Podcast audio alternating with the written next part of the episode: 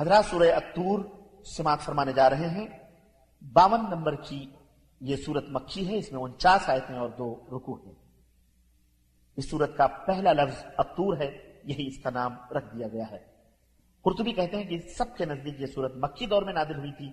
بحثی وغیرہ نے ابن عباس سے یہی روایت کی ہے کہ سورہ اتور مکہ میں نازل ہوئی تھی۔ تو لیجیے سورہ اتور سماعت فرمائیے۔ بسم اللہ الرحمن الرحیم۔ اللہ کے نام سے شروع جو بڑا مہربان نہایت رحم والا ہے۔ والطور وكتاب مسكور في رق منشور۔ تور کی قسم اور لکھی ہوئی کتاب کی قسم جو کھلے ہوئے صفحات میں ہے۔ والبيت المعمور والسقف المرفوع والبحر المسدور۔ اور بیت المعمور کی قسم اور اونچی چھت کی قسم اور جو شمارتے ہوئے سمندر کی قسم۔ ان عذاب ربك لواقع۔ بے شک آپ کے رب کا عذاب واقع ہو کے رہے گا۔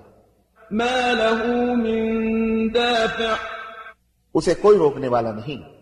يوم تمور السماء مورا وتسير الجبال سيرا۔ جس دن آسمان تیزی سے لرزنے لگے گا اور پہاڑ تیزی سے اڑتے پھریں گے۔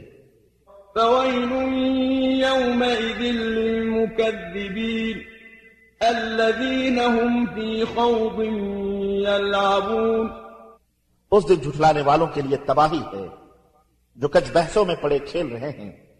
يوم يدعون إلى نار جهنم دعا هذه النار التي كنتم بها تكذبون. جس دن انہیں دھکے مار کر آتش جہنم کی طرف چلایا جائے گا یہ ہے وہ جہنم جسے تم جھٹلایا کرتے تھے۔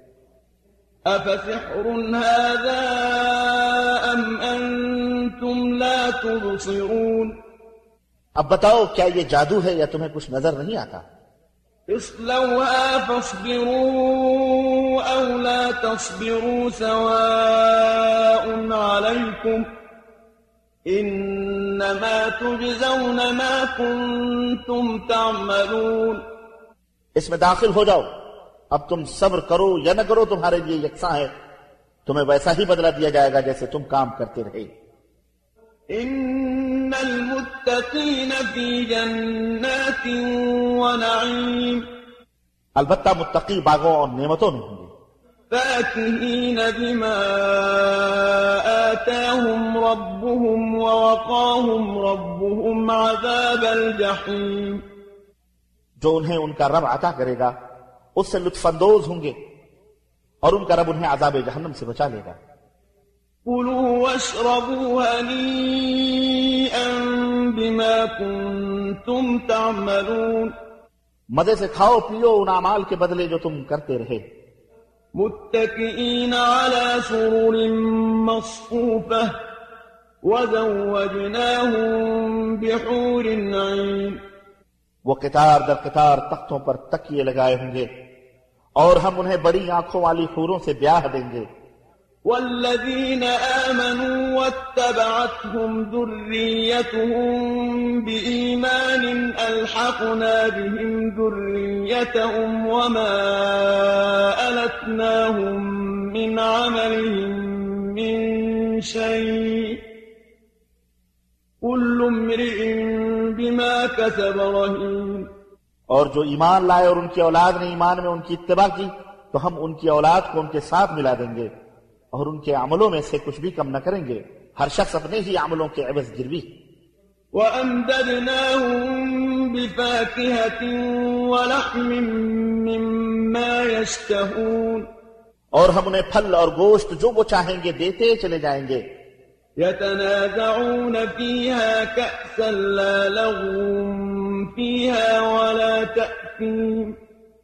ويطوب عليهم غلمان لهم كأنهم لؤلؤ مكنون. وہاں وہ لپک کر ایک دوسرے سے جام لیں گے جس میں نہ یاوا گوئی ہوگی اور نہ کوئی گناہ۔ وہاں ان کے لیے لڑکے چکر لگاتے رہیں گے اور وہ ایسے خوبصورت ہوں گے جیسے چھپا کر رکھے ہوئے موتی ہوں۔ وأقبل بعضهم على بعض يتساءلون۔ وہ ایک دوسرے کی طرف متوجہ ہو کر گزشتہ حالات پوچھیں گے۔ قالوا إنا كنا قبل في أهلنا مشفقين۔ کہیں گے اس سے پہلے ہم اپنے گھروں میں ڈرا کرتے تھے۔ فمن الله علينا ووقانا عذاب السموم۔ سواگ اللہ نے ہم پر احسان فرمایا اور ہمیں لو کے عذاب سے بچا لیا۔ إنا كنا من قبل ندعوه إنه هو البر الرحيم ہم اس سے پہلے یعنی دنیا میں اسی کو پکارا کرتے تھے۔ بلا شبہ وہ بڑا احسان والا اور رحم والا ہے۔ فذكر فما أنت بنعمة ربك بكاهن ولا مجنون۔ بس اے میرے نبی آپ نصیحت کرتے رہیے۔ اللہ کے فضل سے آپ کاہن یا مجنون نہیں ہیں۔ أم يقولون شاعر نتربص به ريب المنون یا وہ کہتے ہیں کہ یہ شاعر ہے جس کے متعلق ہم گردش ایام کے منتظر ہیں۔ قل تربصوا فإني معكم من المتربصين آپ انہیں کہیے تم بھی انتظار کرو میں بھی تمہارے ساتھ انتظار کرتا ہوں۔ أم تأمرهم أحلامهم بهذا أم هم قوم طاغون کیا ان کی عقلیں ہی انہیں ایسی باتیں کرنے کا حکم دیتی ہیں یا پھر یہ ہیں ہی شریر لوگ؟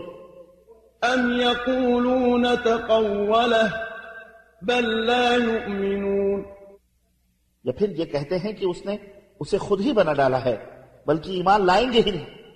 فليأتوا بحديث مثله إن كانوا صادقين اگر وہ سچے ہیں تو پھر جیسا کوئی کلام بنا لائیں أم خلقوا من غير شيء أم هم الخالقون کیا وہ بغیر کسی چیز کے خود ہی پیدا ہو گئے ہیں یا خود اپنے خالق ہیں؟ أم خلقوا السماوات والأرض بل لا يوقنون یا ارض و سماوات کو انہوں نے پیدا کیا ہے بلکہ اللہ پر یقین نہیں رکھتے۔ أم عندهم خزائن ربك أم هم المسيطرون۔ کیا ان کے پاس آپ کے رب کے خزانے ہیں یا یہ ان خزانوں کے داروغہ ہیں؟